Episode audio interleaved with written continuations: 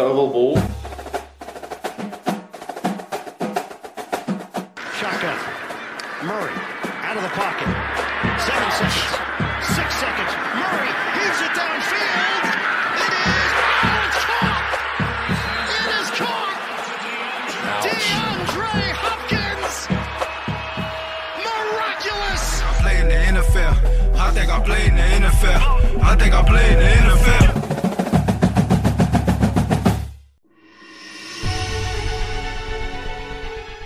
Hjertelig velkommen til Oval ball.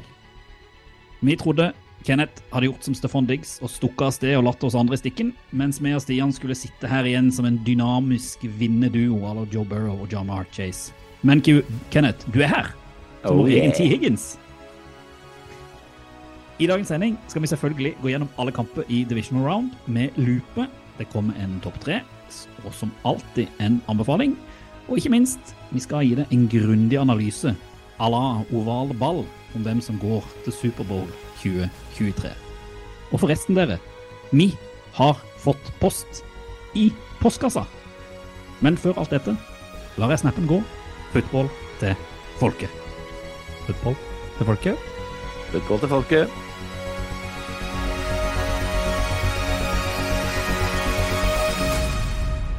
Som nevnt. Vi har fått post. Stort. Og det er ikke bare vi som har fått post. Du har fått post, Jan. Jeg fikk post. Brevdua var innom. Og du har fått post, Kenneth. Jeg har fått den fineste posten. Man kan jo si at vi har fått post litt forsinka, for det som dukka opp i min postkasse, da, det var jo til og med litt mer enn det som dukka opp hos dere, og det er jo hyggelig, for det er vel den som er den minste grunnen til at vi har fått post. Men her for ei uke siden eller noe, så dukka det opp da en pakke, postpakke. Eh, inni der så lå det to bilder, og jeg tenkte bare jeg skulle, jeg skulle lese hva som står på det store bildet som var tilsendt uh, til dere. Kan jeg ikke det? Det. Kom igjen. Ja, her er det bilde av en, uh, en viss first round pick i Jaguars, Trayvon Walker, og så står det Kjære ovalball. I 2022 var det ingen tvil om hvilken pod som hadde mest koll på NFL Draft. Vi var for opptatt av å jage Trevor Lawrence i Las Vegas. Gratulerer og lykke til i 2023. Hilsen Odin, Christian, Hedli og Mattis, som selvfølgelig er pikkpreik-gjengen. Og I tillegg så har Win. vi alle fått tilsendt en lite bilde med Trayvon Walker sitt eh, på en måte draktnummer, hvor det bare står ja, til oss, altså til meg, at jeg er bedre på NFL mockdrafts enn pickbreak. Og det stemmer nok ikke, for det var dere to som fiksa dette her for potten. Den skal ikke jeg ta på meg. Så det er all ære til dere to gutter. Ja, gøy, det. Det var veldig gøy. Eh, det var kjempeforsinka. Vi har hatt dialog med Mattis, som, som styrer kanskje Pikkpreik-skuta, og ikke minst VG-skuta nå, da. Um, og han har hatt flere runder med Post Nord når det gjelder eh, levering av en viss Trevor Walker-drakt, da. Som vi har hatt som, eh, som premie. First round pick får eh, Eller drakta til first round pick skal deles ut til den podden som er flinkest til å mockdrafte. Og eh, Mattis han kommer på besøk, han, etter Superbowl er ferdig, eh, og skal fortelle litt om både det og hva han tenker om årets draft, og det å tape mot oval ball to år på rad. Det blir fint. ja, vi, vi forskutterer den. Jeg er enig i det. 2023. Med Sander på laget kan vi ikke tape Nei, der. det er sant. Vi har jo, Egentlig burde den vært retta til Sander. Men, men det store spørsmålet til dere to altså jeg, jeg har jo den, Nå sitter vi her på Zoom, og så skal jeg holde den foran kamera, sånn at jeg ser han da. Men jeg skal ikke ha han på veggen, for det fortjener jeg ikke. Jeg vet det var en eh, kamp i pikkpreik eh, om hvem som skulle ha eh, Trevor Lawrence-drakta på. Men eh, hvem eh, mener da fortjener denne her? Eh, henger han seg på veggen? Ja. Hvorfor, hvorfor skal jeg ha den framfor deg, egentlig? For du får ikke lov til å henge den opp? Uh, Jo, det hadde jeg nok fått, men du har jo på en måte vårt uh, Du har jo et eget studio. Du har drakter oppe, svær TV, Madden. Den passer her Det hører liksom hjemme, hjemme Ja. inne hos deg, føler Ja, og jeg kommer jo på besøk til deg ganske ofte og ser på NFL, så sånn sett så kan vi, kan vi flere nyte det. Det stedet vi møtes for å se NFL, er Ja, hos det er sant, det. det er sant. Thanksgiving. Ikke sant? Da skal, jeg, da skal jeg få frakte den, eh, den over til deg, Stian. Jeg skulle jo egentlig ha gjort det allerede, men eh, jeg glemte det når vi var så, så kamp. Som Vi skal selvfølgelig eh, Ja. Vi skal selvfølgelig få lagt ut Vi har jo tatt bilder av dette, så dere skal få sett eh, på disse sosiale mediene. Det kommer nok en eh, Twitter og en Instagram-post i løpet av uka med skal jeg ikke si vennlig mobbing av pikkpreik på at vi har tatt over tronen. Vi hever oss over sånn mobbing. Driver vi ikke med? Det gjør vi ikke. Det er greit, kjære inspektør på videregående. har dere gjort noe annet gøy, da? Nei, Julebord på jobb, da. Nå? Ja, det var forsinka. Jeg har ikke tid i desember. Jeg har for mye å gjøre. Så vi hadde nå, i helga. Veldig fint. Ja, jeg har hatt også julebord med gutta. Nå? Jeg har ikke tid i desember. jeg var på Homborsund fyr. Oi, Det ja, det så jålete ut. Ja, det var veldig gøy. Fanga eh, mat. Reiflapp formen? i garnet. Formen på søndag var ikke noe særlig. Formen på lørdag var jo Var det verste notering? terningkast seks. Det var ganske lavt. Så snap og noe whisky der. Ja, det var god. Der Fikk var noe, det. inn, fikk, fikk noe innspill på søndag nå, hvor du så vidt greide å holde deg våken for å se NFL. Det er et godt tegn. Jeg så den da. Ja. Men jeg var, jeg var sliten. Du jobba? Jeg jobba. jobba hardt. Du var ikke så kjapp på å svare på chatten heller? Det var Reira, hva har du gjort? Eh, Jeg har bare hengt med. Jeg har vært på sånn der sosialbesøk. Altså, ikke, ikke sosialkontor, men sånn, vi har reist rundt og besøkt folk med unge med unge. Det er liksom det vi har brukt, uh, brukt helga på. Så det har vært uh, det var hyggelig, det. Men uh, formelen min var vel sikkert best på søndag, da, sammenlignet med dere to. Jeg var på, jeg var på julebord på um, eh, fredag. jeg. Ja, det du det hadde vært dårlig på Da har du hele helga å komme deg på. Ja, Ja. ikke sant? Mm. Det. Det er bedre. Fredagsfesten er bedre Ja. enn lørdag. Absolutt. Men det er en annen podd, Stian. Nå må vi prate fotball.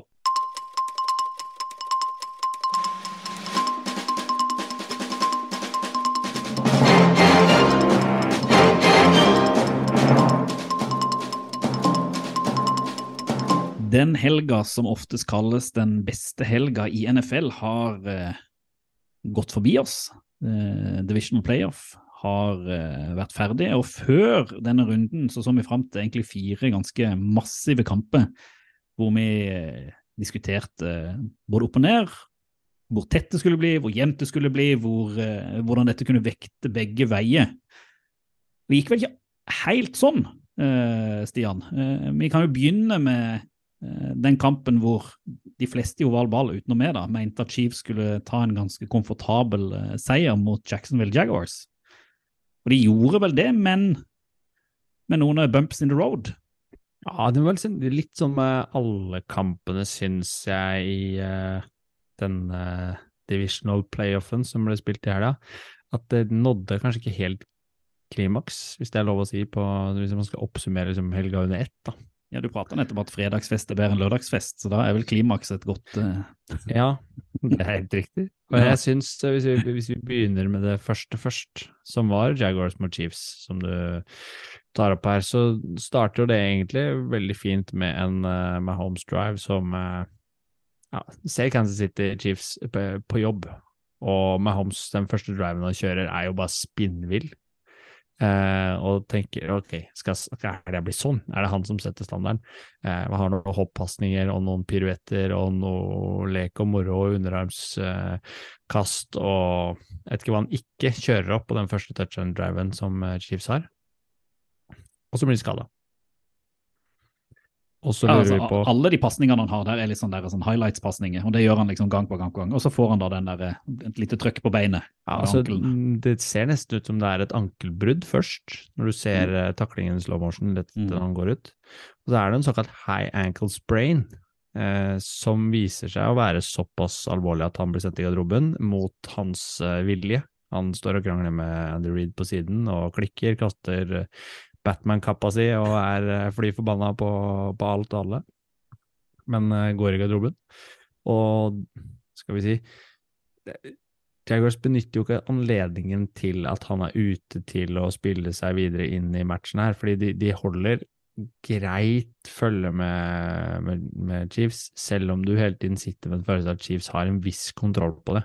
Og kanskje er det Andy Reeds erfaring som spiller inn. da. Jeg har vel vunnet nest mest playoff-kamper eh, av alle trenere i NFLs historie, eller noe sånt Da.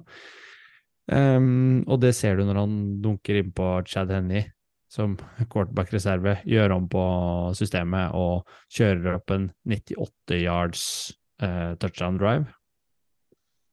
Og da tenker jeg at da har du som Jaguars eh, lag ikke stort å stille opp med, da. Så selv om stillingen ble stående liksom 27-7, nei 27-20 når kampen er ferdig, så, så kunne det like gjerne vært en større poengforskjell, da. Sånn syns jeg man merka liksom i løpet av kampen. Så det er et par høydepunkter og spillere til man kan trekke fram. Jeg vet ikke hva dere satt igjen med etterpå? Men Jaguars hadde jo Jaguars, ja. jo, jeg. Så ikke den kampen, men jeg så jo litt highlights mens jeg vaska opp eh, litt etter festen på lørdagsmorgenen når de andre sov. Så, men eh, eh, de Jaguars gjør jo en del feil, da. Sånn som på slutten av han Agnew som, eh, som uh, fumbler på Mm. fem yard, eller hva det er for noe. Mm. De er på en måte Ja, de er et ungt lag, ikke så mye playoff-erfaring, da. Føler det kommer litt frem, da, i en sånn type kamp hvor du møter uh, Chiefs, som jo nå er i sin femte AFC Championship-finale på rad. Litt Alle åra med Mahomes. På en måte, det er jo helt crazy, egentlig. Altså, det, Mahomes-æraen er jo helt, helt vill. Mm. Men det er, det er jo litt sånn altså, Jaguars fikk det jo servert med at de da får den viktigste spilleren til Chiefs litt ut av altså, ut av seg sjøl. Man så jo hele kampen etter han kom inn at han var jo, han var jo der, Man er jo ikke mobil, og det som gjør Mahomes Nei, Mahomes men han det er jo han- fortsatt Der er jeg litt uenig, for han spiller allikevel liksom på et eh, sånt nivå at det er vanskelig å si at ikke han ikke er god, vet du. Fordi ja, nei, han, han, altså, han, han, han er god hopper jo, med og han beveger seg ut av pocket og er jo ikke mm, Ja, men det, det er jo det han ikke helt gjør, for han beveger seg jo ikke mye ut av pocket. og greia er jo at Hadde de hatt et, eh, et pass rush der som hadde vært litt bedre, så hadde de hatt mulighet for å kunne tatt han, for vanligvis så kommer han seg unna de når da offensive linjer svikter. Så jeg, sånn sett, altså Jaguars leverte en, en god kamp, men de, de hadde jo den muligheten som de aldri ville fått eh, på grunn av det, og det, den benytta de ikke. Jeg hørte jo, apropos det, så hørte jeg bare på Move the Sticks i dag, da, og mener Jeremiah sa Jaguars hadde 35-6 i sesongen, mm. mens Mm. eh, Eagles har hatt 70. Ja, ikke Da har sant? Eagles hatt sykt mye, da, men likevel. Eh, hadde de poeng, hatt et pass rush i denne kampen, så kunne Så er- de jo Ja, ja, Burde gjort Så- det bedre mot Chad Henny, i hvert fall. Ja, men det Andrew Reed kanskje gjør, og som er et uh, sentralt poeng i måten han legger om spillet når Mahomes blir såpass skadelidende som han, som han er, da. Hvis vi, hvis vi går ut fra at han blir Han blir jo hemma, utvilsomt, i det han skal gjøre. Og Asaya Pacheco gjør en kanonmatch i måten han løper på og kriger inn eh, Han mener jeg vi hadde i et av de fantasy-lagene våre, kan det stemme? Stemmer. Mm. Stemmer. Bra pick. Bra pick. Eh, Altså, altså, han ble jo tatt i er det tredje runde eller noe sånt? Han ble kapra, og han ble tatt tatt i- året etter at de henta, eller to år etter de henta Clyde Edwards Lair. Han gjør jo senere? Vi har jo tatt i sjuende runde, det er det jeg liksom tenker. sent, Jeg er ganske sikker på at han har tatt så, så sent. Og det er det som er så kult når vi prater om Pierce i, i Texans og Walker i, i, eh, i Seahawks Ja. som liksom rookie running backs, men Pacheco har liksom vært en Han har bare kommet nå Mm. utover sesongen. Og, Veldig bra altså, slutten av en, enormt imponerende. Uh, Ja, altså, han gjør jo han, Eller i hvert fall konkurrerer jo nesten ut Clyde Edwards Lair. Nå er vel han småskala fortsatt, men eh, han, han uh, leverer jo og får uh, ikke minst uh, oppmerksomheten litt bort fra Mahomes, da, i de prestasjonene han gjør. Og så må man også snakke litt om Travis Kelsey. Selv om han har vært stor hele sesongen, så får han her 17 targets, vel, og, og tar imot 14 av de og har to touchdowns. Det er jo helt spinnvilt, det han leverer også, og mye av det er jo improvisert. Det er liksom han de går til når alt det andre blir tatt. Mm. mm. Og Det er jo sånn det offensiven til, til Chiefs har sett ut i hele år, da. og hvorfor mange forstår seg på det mener at det er det beste angrepet i, i NFL, fordi de har så ekstremt mange strenger å spille på. Og så har de liksom A-game til eh, Kelsey. Pacheco ble tatt elleve plasser før Brock Purdy i draften. Mm. 252, hvis det er lurt. Så han har imponert når jeg har tatt der nede. Da beklager jeg den. Yes. Legger meg kupert der. Ja, og så når du var sikkert på en snurr, Kenneth, en ordentlig snurr, så møtte eh, Philadelphia eh, Eagles eh, New York Giants i Philadelphia. Eh, jeg hadde og- lagt meg da, faktisk. Hæ? Du hadde kanskje lagt det? Kan Like noe som Giants-laget, sitt. ikke noe ut. Og det var down to earth for Giants. Jeg, altså, vi kunne sikkert tatt en sånn lang analyse av det, men her, her var det rett og slett to lag som møttes. Det ene laget var lysår bedre enn andre laget, både offensivt og defensivt. Det var Eagles. Eh, og ja, det, liksom, det meste for ut av den kampen her er hvor fantastisk dårlig Minnesota Vikings er, og det er et under at de har greid å vinne tolv kamper den sesongen. Eh, for Daniel Jones var tilbake med å være den liksom QB20 i, i ligaen. Fikk ikke til så veldig mye. Saquon Barkley ble stoppa. Eh, forsvaret til Giants, med, som vi har skrytt av tidligere, hadde egentlig ingen sjanse. Og både den offensive linja til Eagles fenomenal. Fullstendig beskyttelse for eh, litt sånn halvskada Jalen Hurts, og Forsvaret spiser jo opp Mm. eh, angrepet til, til Giants. Og igjen, jeg tror jeg hadde han her på ei topp tre-liste for noen uker siden. Son Reddick, altså. Ja. For en free agent signing fra, fra Philadelphia. Han har vært helt enorm siste del av sesongen. Jeg føler at Eagles har det mest komplette laget av de som er igjen nå, altså. Ja, i hvert fall de Altså, de villeste Jeg vet ikke. Altså, linjemessig så står det kanskje likt med, med 49ers. Eh, at de, de liksom Hva er det- det blir kalt? Old school football, når de slåss på, på linja sånn som de holder på. Og her har jo Eagles De har vel fire av de gutta som står på D-line, er eh, har vel 11 pluss 6 Ja, i år. Mm. Og det er jo helt vill statistikk, da, og at Daniel Jones med det begrensa wide receiver-korpset som man har til rådighet, eh, og i tillegg Det er kanskje ikke der de har lagt mest trykk i angrepet, Dable Dave Co. da. Og de har spilt mot Eagles tre ganger i år. Ja, det er det tredje gangen. Knust alle tre ganger. Og da får du jo en, et greit bilde på hva du er nødt til å bli bedre på, da. For Giants gjør jo egentlig en over evne-sesong ut fra hva vi hadde forventa av de, og, og hva Brenn Dable kunne Jeg levere. Jeg, var, eh, jeg har- jobber jo med en um, tekst til ovalball. Jeg holdt på i et halvt om. år. Ja. 32 uh, starting QBs i 2023. Uh, og uh, Daniel Jones han er liksom i den kategorien som du på en måte ikke er helt sikker, men du regner med bare at det blir noe av.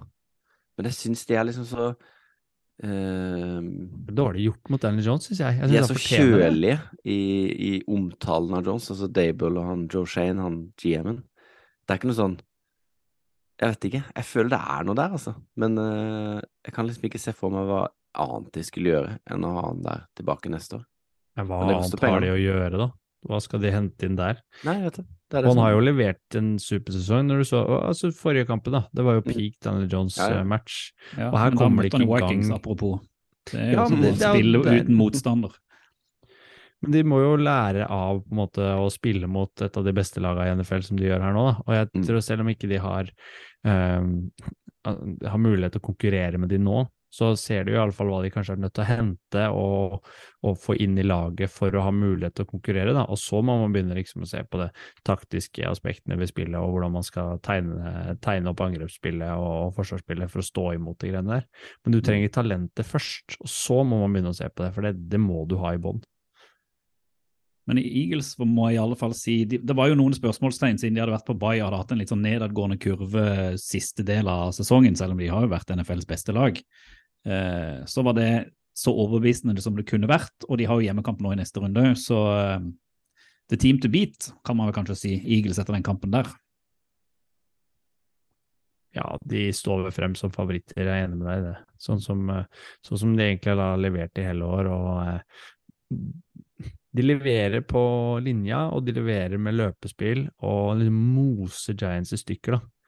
Og har de nesten 300 yards eller noe sånt på, bare på bakken.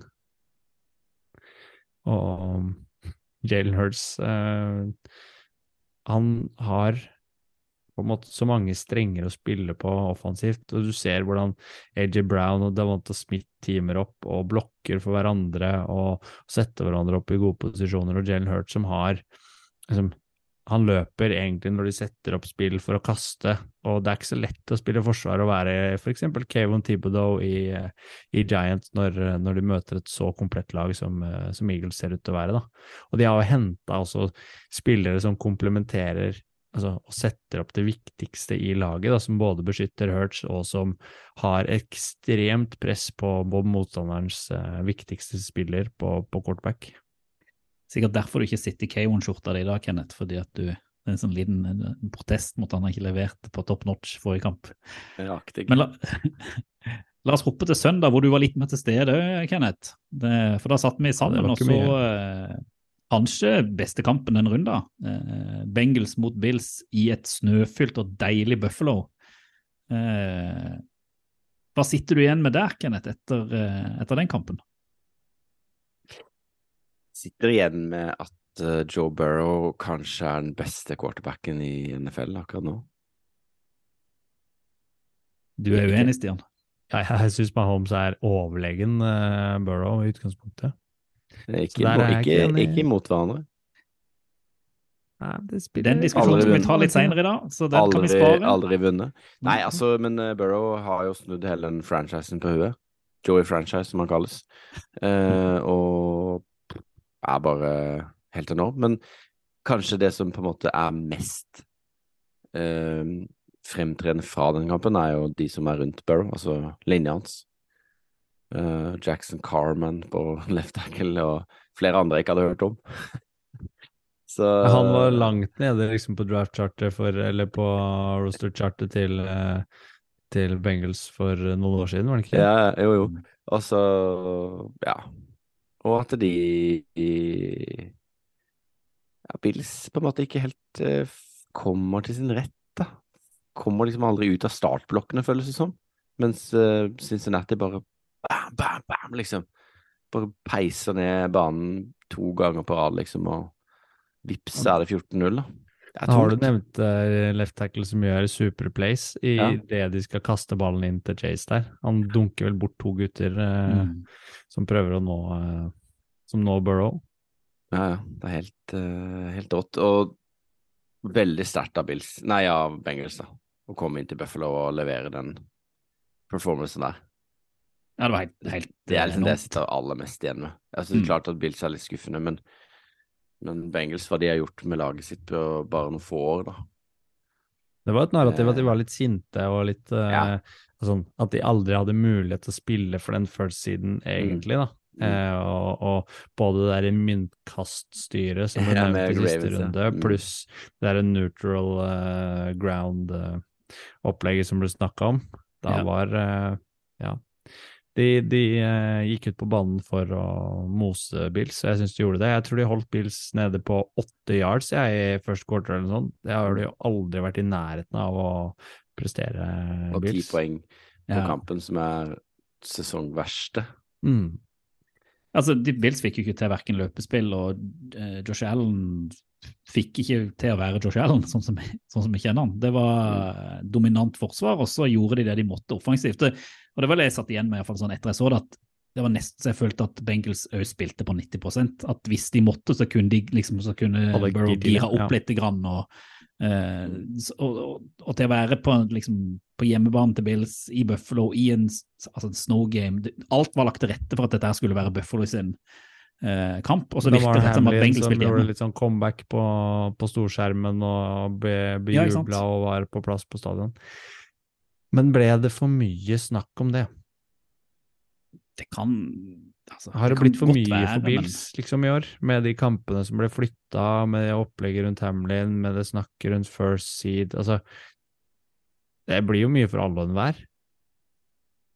Ja, ellers er det spørsmål. Og du så Bengals i fjor. De takla alt og kom seg videre. Bills choka jo der, og selvfølgelig var uf uflaks med overtime og sånn med Holmes og sånn. Men det det er jo noen lag som får det til, andre gjør det ikke. Eh, Så de må jo eh, spørre seg sjøl. Og jeg syns jo ikke altså Før sesongen så var vel Bills kanskje et av de absolutt lagene som man så at de kommer til å gå til Superbowl sånn som det ser ut nå. Og jeg syns de har vært helt OK i år. De har vel levert etter forventning, men ikke noe mer. Jeg synes ikke de har tatt, de har ikke, Det har ikke vært en progresjon man kanskje kunne tro fra fjoråret. Jeg syns kanskje toppnivået til Bills i fjor var høyere enn det vi har sett i, i år. De har liksom aldri vært helt der oppe. Eh, så det er litt, litt skuffende, rett og slett.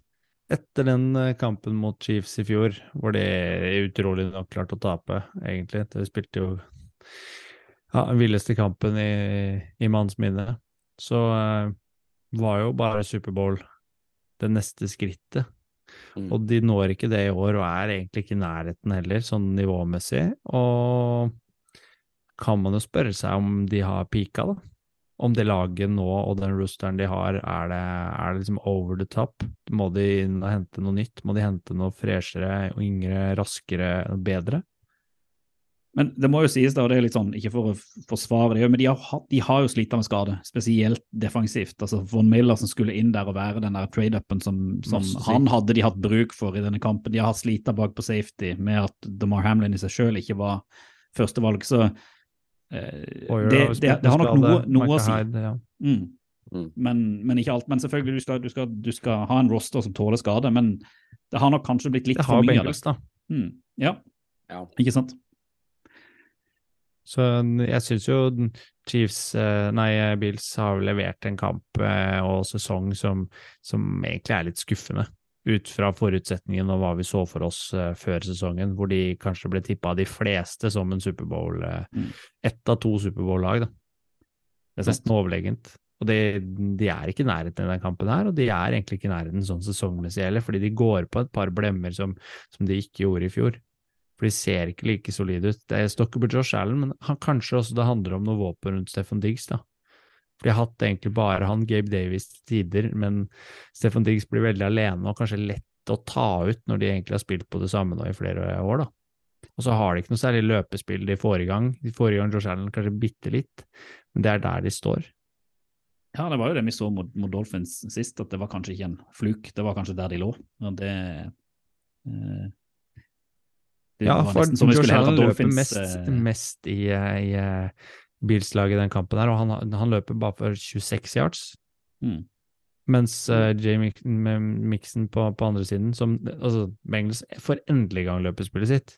Han har 20 carries og over 100 yards, så vi snakka jo om, om det som er en av nøklene i den kampen her, var at de måtte få i gang løpespillet for å være i stand til å, til å utfordre Bills. Og det gjør de til gangs, da. Men det heier vi litt på, på Bengals som alltid, da, Kenneth, fremover. det er jo Superbowl-tipset mitt. Ja, ja, det er det, ja. Ja, Vi har jo tippa på det. Ja, ja, ja, ja. Imponerende. Tippekongen. den tar vi den, da. Så til slutt, så eh, kanskje den kampen som sto ut som liksom den aller største storkampen, er ikke? Eh, The America's Team mot 49ers. Eh, søndag kveld natt.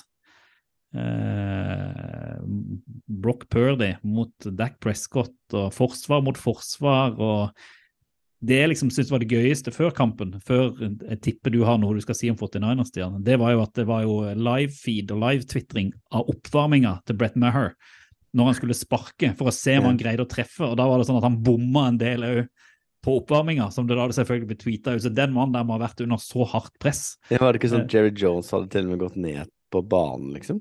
Jo, jo. Det var Nei, så det, nå var det, ikke, det ble ikke det matchavgjørende, sånn sett. Men eh, det kan vi komme tilbake til etterpå, hvor idiotisk det er å gå inn i en sånn type kamp og ikke ha en stabil kicker når du ikke greier å skåre touchdown. Men han leverte, han, da. Ja, han gjorde det. Han leverte det han skulle. Eh, og det gjorde 49ers òg, Stian. Gjorde det. Og det var en liksom back to basics-kamp, eh, tenker jeg, 49ers, hvor de slåss på linja og løper masse. Og gir McCaffrey mange carries og, eh, og lar han få jobbe med, med linja. Og veldig liten risiko i angrepsspill, og satse på at Forsvaret er såpass bra at de hamler opp med angrepet til, eh, til Dallas, noe de også gjør, da.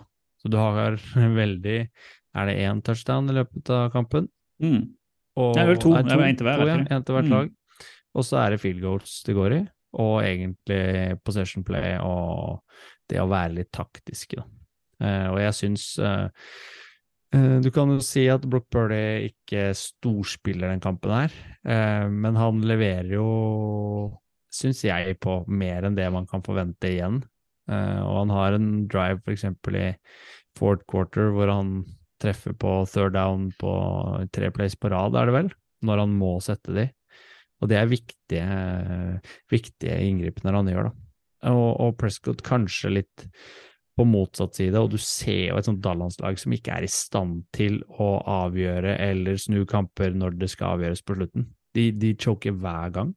Og det var sånn at på de siste to minuttene, tre minuttene hvor de overtok ballen, lå eh, og lå de eh, syv poeng bak, og hadde mulighet til å kjøre opp en, eh, kjøre opp en touchdown drive, så var det ikke i nærheten, syns jeg. Nei, Jeg ble liksom ikke Jeg var ikke nervøs for at de kom til å få det til engang. Det, det, hele den avslutninga på kampen jo, har jo gått sin seiersgang på internett med først at de punter på tampen der, og så at de Dalton Schultz går ut av banen uten at han klarer å stoppe klokka. Han går ut av banen uten å ha to fot i bakken. Plutselig er Sequel Elliot som senter. Altså, det Det virka jo, det virka jo helt som det rakna i playcallen på Ja, det liksom. var, Og Dack var jo ikke bra nok, så Ja, to inch spør de av ingen. ja, det avgjør jo har alt å si, men- eh, kampen. Men det har litt å si fordi det handler om hvordan de coacher det fra siden.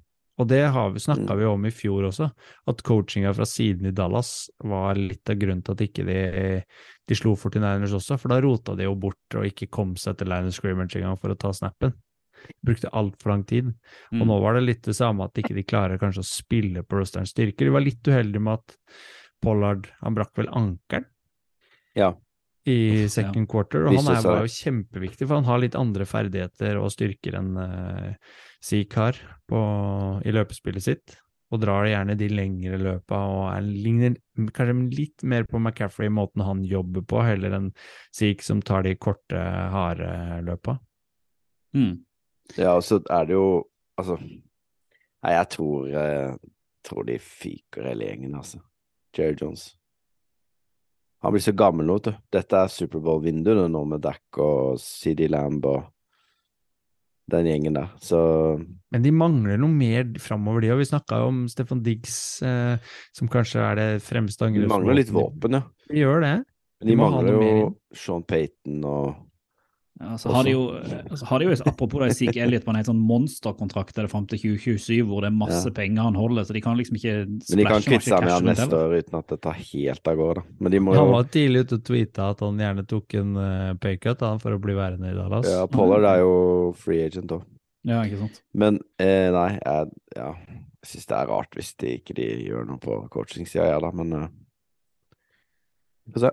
Men iallfall fortjent, syns jeg. Imponerende 49ers. og fortjent av Mm. 49ers. Eh, ja. To sykt altså Det må jeg si, jeg syns jo det er gøy. Har, Ja. Nå har jeg sett så mye i NFL at det er så gøy når du ser to lag som Det er kanskje to av de aller aller beste forsvarene i NFL som Mm. krasjer inn i hverandre, og du ser hvor mye forsvar har å si for for gode lag, og så er det jo da angrepet slash Dack som ikke er god nok. For jeg, altså jeg er helt enig at Purdy han leverte liksom helt OK. Eh, Det var interessant å se hvordan han oppførte seg når han ble pressa. Det har jeg ikke sett tidligere. Han ble mye fortere pressa av Dallas enn jeg har sett han i andre kamper. Og løste det jo iallfall med å unngå å gjøre feil, i motsetning til, til Dak Prescott. Eh, og det hadde jo noe å si, for det var jo to field goal de fikk ut av de turnoverne hans, eh, Mm. eh, 49ers, så de vant Ja. vel med syv poeng. Så det er jo der magien ligger, i at rett og slett Dallas ikke greier å skåre sine poeng der, men heller gir bort poeng til, til 49ers. Ja, at 49ers ikke gjør feil og setter Dallas i samme posisjon, da.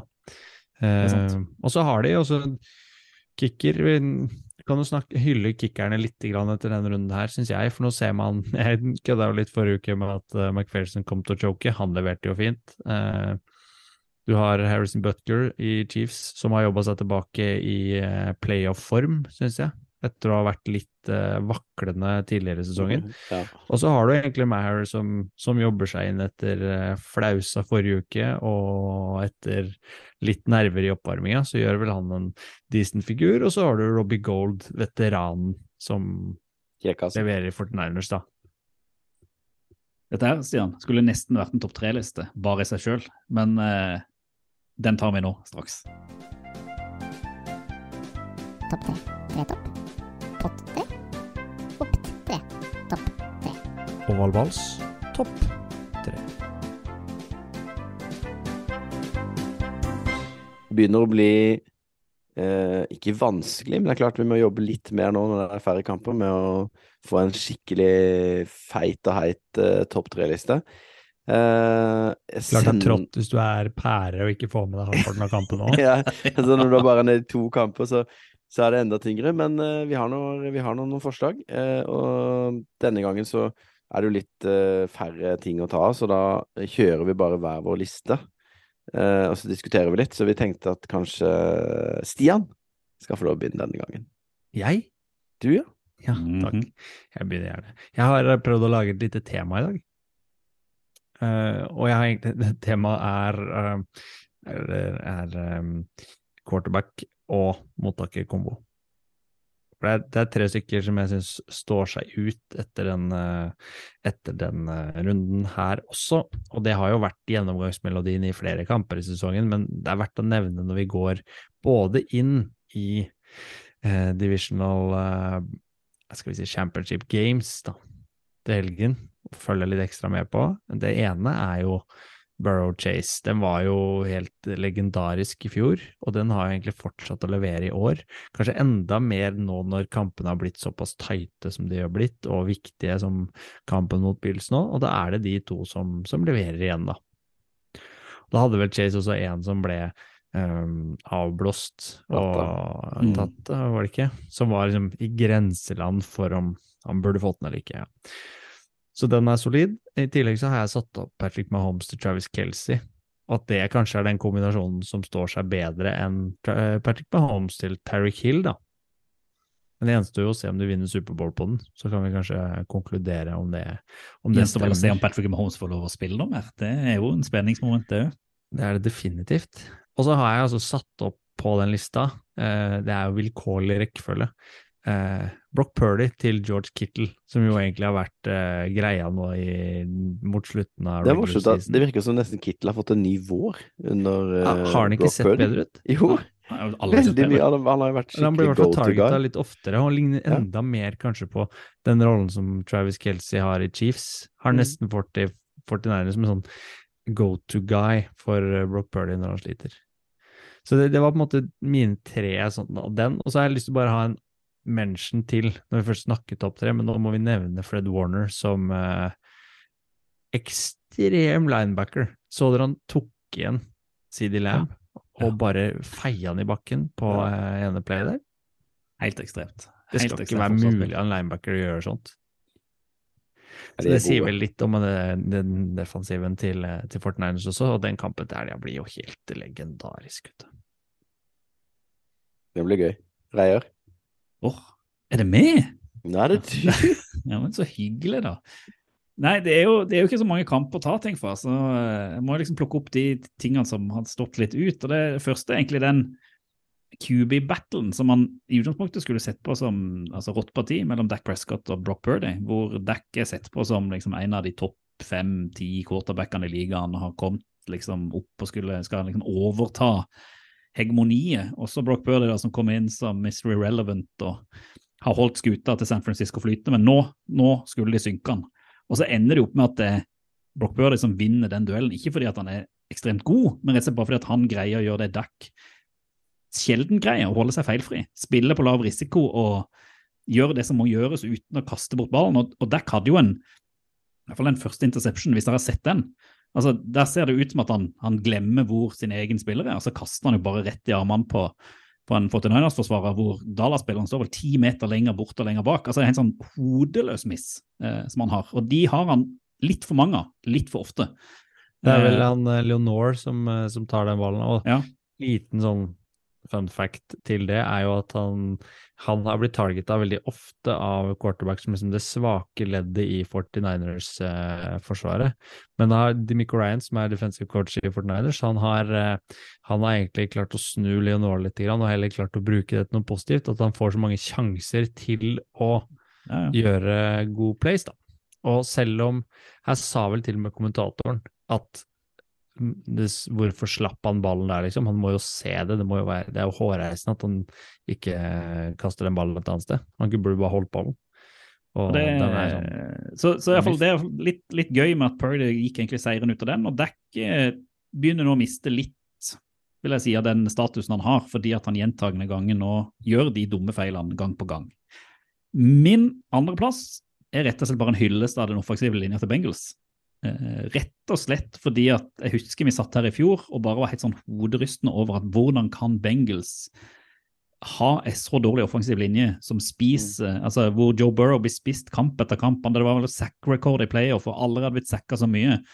Og så ser du allikevel, da greide de å komme til Superbowl, og så ser du nå når du har en offensiv linje som holder opp, hvor helt ekstremt dominerende Joe Burrow er bak der, og hva han får til. Mm. Eh, så, eh, all hyllest, selv om de er skadeplaga. Så en enorm hyllest til den linja, som, eh, som du sier, Kenneth, kanskje tar de hele veien til The Lombardi Trophy. Åh, det hadde vært så gøy. Så ja, fett. Ja. For et lag, altså. For Ja. et lag. Og jeg må bare gå videre, for det er altså Ja, jeg har mange kjærlighet i NFL. Bengels er uten tvil etter det. Det er rett og slett bare intervjuene til Joe Burrow og Zack Taylor etter kampen. Joe Burrow blir jo intervjua nesten rett etter kampen er ferdig, og hvor han blir liksom spurt om dette her eh, greia med en, en nøytral kamp, om det har påvirka de og sånn, Også. sier han bare liksom én setning. Better send them refunds! Ja. Og det bare Han er han er the guy. altså Han er nesten goat før han er ferdig med karrieren. Eh, og så har jo Zack Taylor etterpå kampen vært ute og sagt eh, da litt sånn sarkastisk at ja, det er jo bare å beklage at vi måtte skape så mye styr for NFL, så måtte finne ut måter å gjøre myntkast på, med referanse til Ravens-kampen. og Få eh, nøytrale venues og skaffe hotellrom og selge billetter, så kommer vi bare ødelegge all den gode planlegginga. Vi legger oss helt flate ja. Mm. Mm. fantastisk gøy. Og jeg merker de har Det, det er så mye selvtillit og så mye flyt og så mye ja, hele, det, hele den franchisen nå har gått fra ingenting til alt på noen år, altså. Det er fabelaktig. Så det var egentlig lista mi. Burrows har vel også at han, han De kom til å dominere så lenge han var der. Ja, det var Superbowl-vinduet litt- til ja. uh. Cincy. Ja. Så lenge han var der. Ja, det Altså, kan man jo se når man ser alderen til gutta som er rundt den i tillegg. Ja. De har jo faktisk en roster som kan holde lenge. Og apropos det, så kan vi hoppe rett til min liste. Og Zack Taylor gikk fra pressekonferansen, inn i flyet, landa i Cincy og rett på bar. Med gameball. Eh. Stian, Stian er jo selvfølgelig kynisk mener det er sånn eh, spill for galleriet. Mens Reier jeg mener dette er ekte kjærlighet mellom en mann og en by. Eh, og et lag og en by. Eh, så den eh, videoen har sikkert alle sett eh, på Twitter, når Zack Taylor kommer inn på en bar i Cincinnati. Gråt du da du så den, Kenneth? For det var en sånn eh, Nei, jeg var bare, bare glad, liksom. Jeg så den vel ikke før på, på mandag, da, så da var jeg jo på en måte ganske grei form. Fortsatt full. Full av hormoner. Og så, eh, til nummer to, så har jeg jo em, en som vi nevnte i stad, George Kittle. For han hadde et mottak i den kampen som var ganske insane. Hvor han eh, sjonglerer ballen først. Og så, det som skjer helt på slutten nå, er ganske kult, for at han akkurat idet han får tak i den, så kommer jo Diggs eller en annen cornerback inn fra sida for å liksom torpedere han, og så klarer han å bare trekke til seg ballen. Og så fyker Diggs forbi foran han, og så detter han i bakken, og det er catch. Utrolig kul ting å se i reprise også fra forskjellige vinkler, da. Det mottaket der. Så ja, han har fått en ny vår under Brock Purdy, og viser seg som en eh, ja, kanskje tight end 2 i ligaen. Vil jeg si. Ha, ha, ja. har, har du en sisteplass òg, da, eller? Jeg har det, og den, den, eh, den er jo av liksom litt merkelige slaget. Det er Zeke Elliot som liner opp på senter og snapper ballen til Dack i det siste aller siste spillet til uh, Dallas i årets sesong. Uh, og det er flere som Ender vel med at en uh, Turpin blir vel, som blir bare mosa i bakken. Ja, både Seek og Turpin som får ballen, blir jo smekka ned med en gang, og det spillet er over før det får begynt, da. Og folk har prøvd å finne ut av hva det var de egentlig prøvde på, men det er ingen som har kunnet gitt noen klare svar ennå på det. I hvert fall ikke McCarthy. Så nei, hele den avslutninga der er jo merkelig. Og Ja, det men topper seg litt med maktdemonstrasjon på senter. Niners, bare bang. Det er det beste jeg har hørt. Dette er gøy. Det der, det er fett. Oval ball anbefaler. Ingen oval ball uten en anbefaling, og det må vi jo kunne trykke inn i denne podden òg. Og du Stian, du har en, en bitte liten sak som kan være fint å anbefale akkurat denne uka her. Ja, for akkurat den uka her, så er det jo uka før det smeller i Championship Games. Og det er jo eh, som en em, skal vi si, NFL-journalist De skriver jo masse på nfl.com, men en som har holdt det gående i hele år, er jo Dan Hanses, som jo er eh, host i ATN, og skriver for nfl.com eh, power rankings hver uke av laga i NFL. Nå er det bare fire igjen. And then there was four har nå lagt ut en liten ehm, rangering av de fire lagene som gjenstår. Så eh, radiofaglig sterke som vi er, så passer dette som intro til både vår eh, spalte som heter Ukas utvalgte og Ukas dypdykk, hvor vi skal snakke om, snakke om kampene. Og så kan jo du der ute lese på nfl.com eh, hva Dan Hanses mener er den riktige rekkefølga og styrkeforholdet mellom de fire gjenstående lagene i sluttspillet. Nei, hva skal du se på? Hva skal du se på? Rundens utvalgte. Vi nærmer oss den o store kvelden hvor Rihanna skal endelig gjøre comeback og synge sine gamle store hits i Arizona, hvor det òg skal spilles en fotballkamp. Men før det så må det avgjøres hvem som skal dra til Superbowl og gi eh, championship game, hvor man skal kåre vinnere av NFC og AFC. Og som vanlig så må vi jo kikke litt framover og tenke litt på hva, hva, hva, tenker vi om kampene? Hvilke spørsmålstegn er det der? Og så skal vi jo selvfølgelig tippe vinner, for vi har jo en intern konkurranse her som eh, det er mye heder og ære i å gå av som ovalballs tippekonge, Kenneth. Jeg har ikke klinsja for lenge siden? Det kommer an på hvordan du gjør det her. Det er jo den tittelen. Tippekonge deles ut etter vi har tippa oss gjennom fram til Superbowl. Så eh, den, den, må du holde tett på. Ja, greit, greit, greit. Eh, det som er fint, vet du, det er at nå er det jo bare, nå er det kamper bare på søndag, eh, og i ordentlig fotball til folketid. Fantastisk, egentlig. Så mm. NFC Championship Game, eh, 49ers mot Eagles i Philadelphia klokka ni. Man får sett hele kampen før man trenger å gå og legge seg. Det er deilig. Det er jo helt fantastisk. Jeg, det var litt overraskende for meg, jeg husker ikke det fra i fjor. Jeg trodde det var uh, to primetime games vi skulle se nå. Denne helga så trodde jeg egentlig forrige helg var siste ultimate football til folketid. Men Mm. nei, Neida. dette kom som en fin For de som sitter våk, våkne lenge, så er jo neste kamp allerede altså halv, halv ett. Det er ikke så jo sent det er ikke så galt det heller, hvis du Nei, er orker en litt uh, nattevåk. Men Men jeg syns jo halv elleve, når vi først snakker om tidspunkter, så er jo halv elleve tidspunkter på lørdag kveld er jo helt kanonbra. ja, hvis ikke du har småbarn. det, Ja. det, det, det helt enig. Men la oss gå, gå bort fra å klage over småbarnslivet. Eh, Det jeg lurer på, Stian, det er at eh, ditt lag 49ers drar nå til Philadelphia og får den ultimate testen. Eh, møte et lag som kan De har vel ikke møtt et bedre offensivt lag nesten i hele sesongen. Møte et forsvar som kanskje er på høyde med Dallas, om ikke kanskje bitte grann svakere. Med en rookie quarterback. Nei, det er du sier. Jeg tror det er de to beste defensive lagene som Ja, møtes her, jeg. ikke forrige okay, uke. jeg bare, bare stikke litt, stikke litt pinne her. Eh, med en rookie quarterback, en Jalen Hurts som er litt skada for Philly. Altså, hvor, altså hva, hva tror du her? Eh, hva avgjør eh, hvor denne kampen går, Stian? En punt. Nei da, jeg skal ikke være så enkel på Fake? det. Men, Fake punt? Ja, fake punt. Nei, jeg, det blir jo en skitten fotballkamp. Jeg er ganske sikker på at du får noe som ligner på den uh, 49ers Cowboys-kampen, sannsynligvis. Og det blir en litt annen rolle som kanskje Jalen Hurts må spille enn det han er vant til fra før. For kanskje han blir tvunget til å ta for stor risiko og gjøre det, det store, fantastiske. For Brock har på en måte spilt på og blitt bedt om å spille på det, det safe hele veien. Mens Jalen Hurts har tatt risiko og lykkes med det. Så spørs det om de, kanskje matchupen for Eagles blir, blir, blir for tøff, da, sånn forsvarsmessig. For de jo møter jo et bedre forsvarslag enn det de egentlig har møtt i, i hele år. Så det blir en matchup som er veldig spennende å, å følge med på. og nå dominerte begge laga eh, line of scrimmage på hver sin måte sist. Eh, og mm, det blir en sånn det blir en sånn skyttergravsmatch. Men Kenneth, her, her lurer jeg litt på, for her møter da eh, Eagles en rookie quarterback som de kan presse ganske kraftig. Mm. Eh, og 49ers møter et lag som uten tvil er bedre enn Dallas offensivt.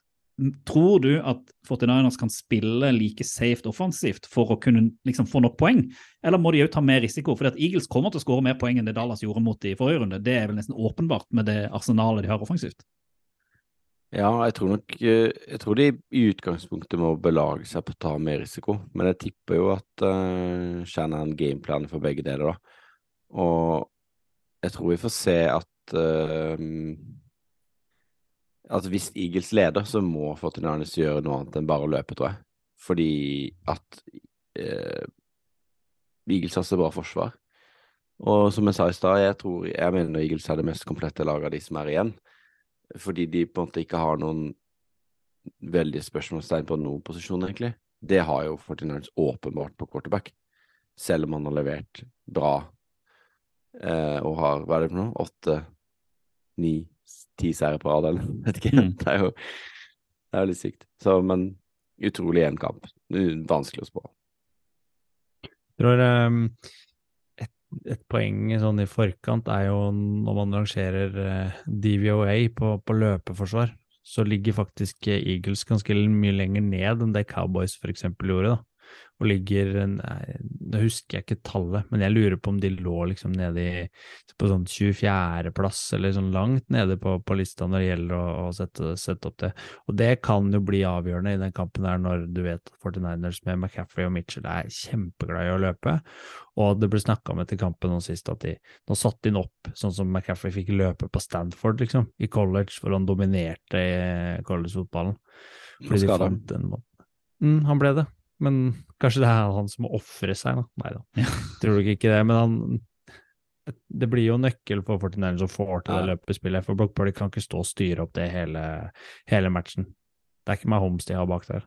Men altså, bare sånn for, for Eagles del, de, de må jo ta høyde for at de òg har eh, eh, 49ers har jo eh, 49ers har flere trusler, eh, både på løping og på passing, mens nå er det mest som sa feil men eh, 49ers må jo ta høyde for at Eagles har jo flere trus trusler når det kommer til passing, som Dallas kanskje ikke hadde eh, i like Mm. stor grad. Eh, hvordan kan de, skal de håndtere da både å dekke så godt som de gjorde mot Dallas på altså cornere og bak i banen, og i tillegg da hindre det løpespillet som eh, Eagles har jo vært sykt gode på offensivt, med både Hurts og, og Sanders og, og videre. Jeg tror det er avhengig av å få til eh, pass rushet sitt skikkelig. På pressa, pressa Jalen Hurts eh, til det ytterste, og pressen til å gjøre feil. Jeg tror nøkkelen ligger litt grann der.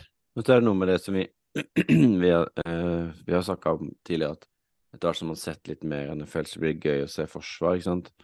Og det som Bengals gjorde bra Bengals gjorde bare forrige kamp, var jo det å ha sånn skjulte ting. At det Mm. kommer press fra den andre sida som man egentlig ikke tror, ikke sant. At, at cornerbacken slipper seg ned, og safetyen kommer opp, og altså Det skjer masse sånn pre-snap da, som de prøver, som de skjuler, da, hvor det hva som skal skje når snappet går. Uh, og der er jo sikkert 49ers uh, De har sikkert masse på lur da, som ikke de har vist ennå. Uh, og Demico Ryans er jo vist seg som en bra koordinator, så det blir sikkert mye av det. Litt sånn skjulte ting. Men så gjorde jo Eagles også det samme på offense nå mot Giants, hvor de liksom stilte opp til løpespill og kasta ballen omvendt, da. Så det blir en mind game, eh, også på sidelinja. Så er det kanskje enkeltspillere som avgjør, da. Litt hvem Ja. som har dagen, og som, Det er som det maskinene. best place, da. Ja, altså, du har noen potensielle matchvinnere i begge ender av banen for begge lag. Så det blir eh, morsomt å se hvem av de som, som står, frem, eh, står frem der. Og det er jo Eagles har jo storspilt egentlig hele sesongen. 49ers begynte trått og har vel spilt seg opp på kjempesolid nivå nå. Det begynte jo før Brock Purdy eh, tok over, men det tok vel mest av når McCaffrey kom inn, da. Så Stian, hvor ender du i tippinga? Hvem går til Superbowl? Tipper du med hjertet? Tipper du med hodet? Er det det samme, eller er det ulikt? Jeg syns det er vanskelig å tippe utfallet i den kampen her, og det skal det være i en uh, championship game. Uh, jeg tror kanskje det er hjemmebanefordelen som gjør det for Eagles, da. Jeg tror kanskje Eagles, uh, og sånn som de har sett ut hele sesongen, så syns jeg egentlig at de fortjener det også. Snakker jeg ikke med, med røde briller og, og sånn, for de har storspilt og gjort det kjempebra ut fra forutsetningene og det man kan forvente av et lag som mister to quarterbacker i løpet av en sesong. Eh, men jeg tror. Eagles Ja, det er helt vilt, egentlig, det, det som leveres. Den historien Mm. Brock Purdy blir man jo aldri trøtt på, og Ja. den kommer jo til, å- til å bli stående, den. Men jeg tror Eagles eh, tar det, og jeg syns de fortjener det, sånn som sesongen har vært. Kenneth? Forrige uke så sa jeg, når jeg ble spurt om Giants Eagles, så sa jeg de moser de, så. Eagles moser de. Fikk rett. Ja, ja, tippekongen, det er greit, det. Mm. Subplot. De vinner i dag òg. Nei, de vinner til helga. Jeg har lyst til å si at de moser de. Det kan fort skje. Ja, det kan det. Eh, jeg må jo si at sant, dette er jo sånn typisk når dere har tippa på, på forhånd. Uh, for jeg ser jo her at Eagles de, er jo det beste laget. Har de en på dag, eh, greier de å presse fram noen feil i 49ers, så vinner de denne kampen. Men så er det sånn Ok, hvis vi sier da Purdy holder seg feilfri, forsvaret til 49ers er like sterkt som det var mot, eh, mot Eagles. Gold sparker inn noen baller. McCaffrey løper litt og er tilbake. Debo er i form.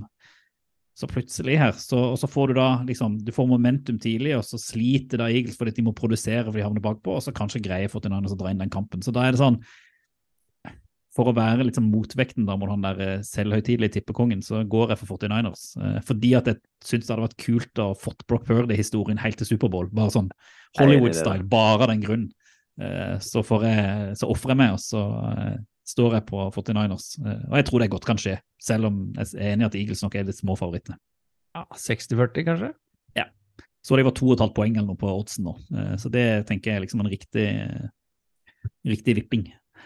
Så for de som eh, ikke må opp tidlig på mandag morgen, eller, og for de som er oppe tidlig på mandag morgen som kan se en reprise, AFC title game på Arrowhead mellom Bengals og Chiefs, og det er en kamp som har blitt spilt mye de siste årene. Eh, hvor Bengels har gått seieren ut hver eneste gang. Mm. Kenneth, hvor, eh, hvor avgjøres denne, denne kampen? Altså, jeg tror nesten den avgjøres før kampen. Det er hvor, hvor, hvor, hvordan er formen til Mahomes. Uh, det er synd. Det er veldig synd.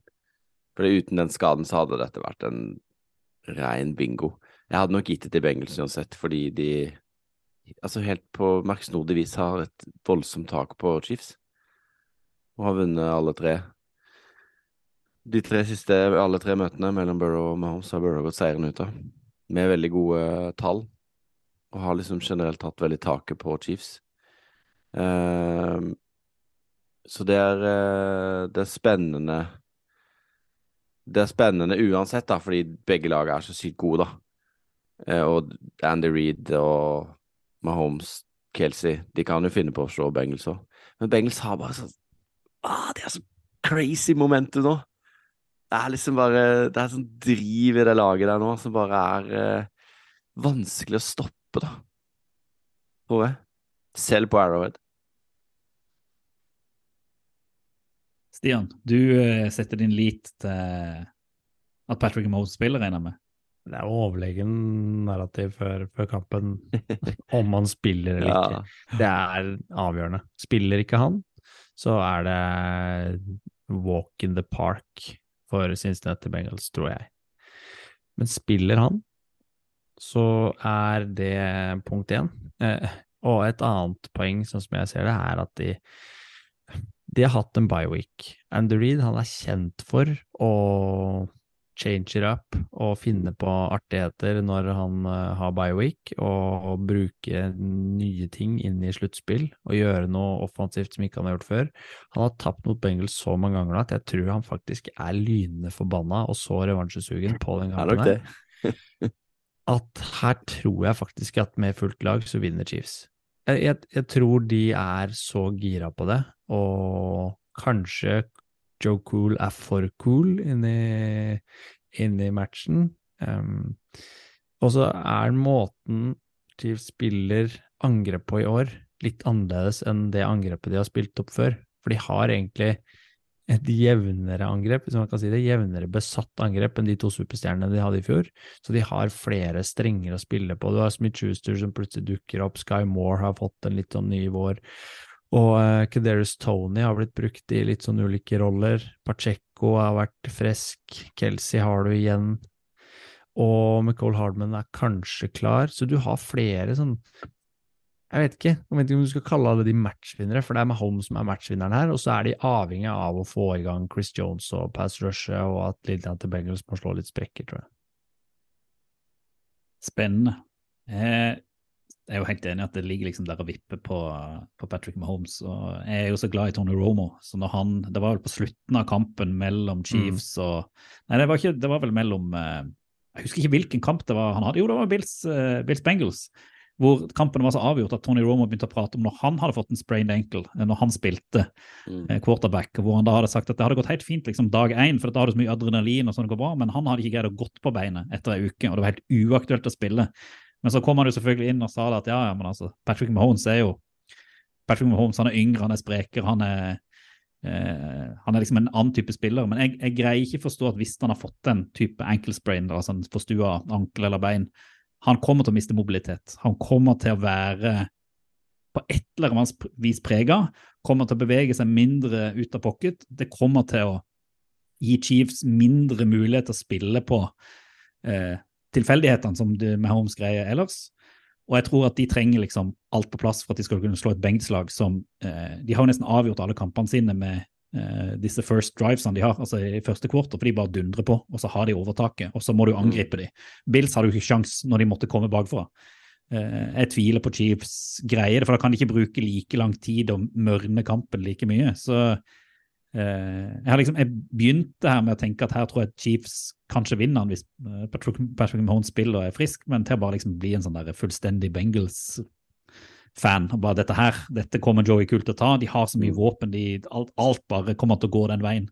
Det er jo den historien med Brock Purdy på den ene sida, Joe Cool på den andre sida, som møtes i Superbowl. Bengals 49ers. altså det er jo en Hollywood-film, dette her. Det er bare sånn det skal være. Burrow skal tilbake og ta revansj for han tapte i fjor. Purdy, som kom fra ingen sted, Mr. Irrelevant, skal inn i Superbowl. Og så har du to ulike filmer, da. Hvem som vinner til slutt. Så det er mitt tips, da. At Bengals tar den til slutt. Rich Eisen, som uh, jo er host i er det NFL, er det Good Morning NFL, eller som kjører um, Han er jo egen podkast også. Han sa vel at uh, half of Mahomes is the best quarterback in NFL, eller noe sånt. Tvitra vel det da han ble skada. Eller han stilte spørsmålet er, han, er en halv Mahomes den beste quarterbacken i NFL. Og jeg tror kanskje ikke det på det nivået som eh, Joe Burrow eksempel spiller på nå, Jalen Hurts, og nesten Brock Purdy er vel bedre enn halv Mahomes han også. Men jeg tror Mahomes kan klare seg godt gjennom en kamp uten å være på 100% Jeg tror fortsatt det er en, en god mulighet for Chiefs, da. Bedre enn Chad Henning. Jeg tror det. Og så må jo altså, Er det et litt sånn mindgame for Bengals òg, i den matchen her, hvor de, de har et psykologisk overtak, men Tror du at det, det på en måte holder inn? Er selvtilliten for stor i Bengals-laget? Det tror jeg ikke. Altså, det er godt mulig han er for er stor, men det har ikke noe å si. De er, altså, de er så sikre og tror på seg sjøl at det der eh, Det er bare en selvtillit som må være der for å gå ut og gi blanke i at Arrowhead hyler til det. Ja, det blir jo en fantastisk lyd fra den stadion der, og jeg syns uh, Arrowhead eh, er den kuleste stadion å se kamp på TV fra. Vet ikke hva dere tenker om det? Jeg er helt enig. Jeg syns når stemninga der er på topp, så er det, så er det dritkult. Skikkelig kjølig. alle ja. Alle stadioner uten tak ute er bare Det var fint med snøkampen kampen i Ja. Buffalo den siste. Ja, ja, helt konge. Er Elsker det. Kule og Nei, jeg tror uh, vi får to helt hinsides matcher. Og det er egentlig bare å benke seg. Ta fri fra jobb mandag. Så for å oppsummere, da. Så Stian, du mener at Superbowl i Arizona vil være mellom Eagles og Chiefs. Kenneth mener det vil være mellom Eagles og Bengals, og jeg mener det bør være mellom 49ers og Bengals. Det er gøy at vi har tre ulike fasit, i alle fall. Så det blir spennende som vi møtes neste uke for å se hvem som kan krone seg hashtag tippekongen i ovalball. Ovalball. Fotball til folket. Da begynner det å bli seint på kvelden for oss eh, gamle menn, ikke sant, Kenneth? Veldig seint. Ja, Du skulle vært i seng nå, du. Nei da, men greit is er på topp. Og det du sa på lørdag òg. Seint på kvelden. Def. Yes. Men nå eh, begynner vi å nærme oss slutten på sesongen òg. Nå er det et par Blytungt. Men snart er det draft season. Åh, ja, det, altså, der kom han. Der våkna han. Det var ikke må måte på. Eh, men vi har et par episoder til hvor vi skal både oppsummere hva som skjer, og hvor vi skal se fram mot Superbowl. Og vi skal nok i år òg prøve å gjøre litt spesielle ting. Kanskje få inn noen gjester og folk som kan gi oss noen eh, interessante vinklinger før eh, den store kampen i, i Arizona. Eh, Det bør vi få til. Følge med på Ovalballpod på Instagram, på Twitter. Kanskje det kommer noe spennende på nettsidene våre etter hvert også? Det syns jeg høres ut som en meget godt tips. Så har du noen eh, tanker og ideer om hva vi bør gjøre før Superbowl, eller et eller annet du ønsker at vi skal sette fokus på, så går det jo an å sende oss en god gammeldags mail på kontakt.ovalball.no. Men nå tror jeg vi får bare la det opp til at vi møtes på Teams klokka ni søndag kveld for å se kamp sammen. Absolutt. Åh, det skal bli så fantastisk. Jeg gleder meg og gruer meg. Ja. Du er fan, så vi kan bare sitte og le av det når det går bra, eventuelt når det går dårlig. Men takk for nå. Jeg gleder meg til å vite hvem som kommer til Superbowl eh, neste gang vi møtes. Og fram til det, football til folket. Fotball til folket. Fotball til folket. Titans have a miracle left in them in what has been a magical season to this point? If they do, they need it now. Christie kicks it high and short. Going to be fielded by Lorenzo Neal at the 25. Yeah, it Pitches to- it, back to Wycheck. He throws it across the field to Dyson. He's got something. 30, He's got something. 50. He's got it. 40, He's got it. 20, 10. He's got it. End zone. Touchdown Titans. There are no flags on the field. It's a miracle. Tennessee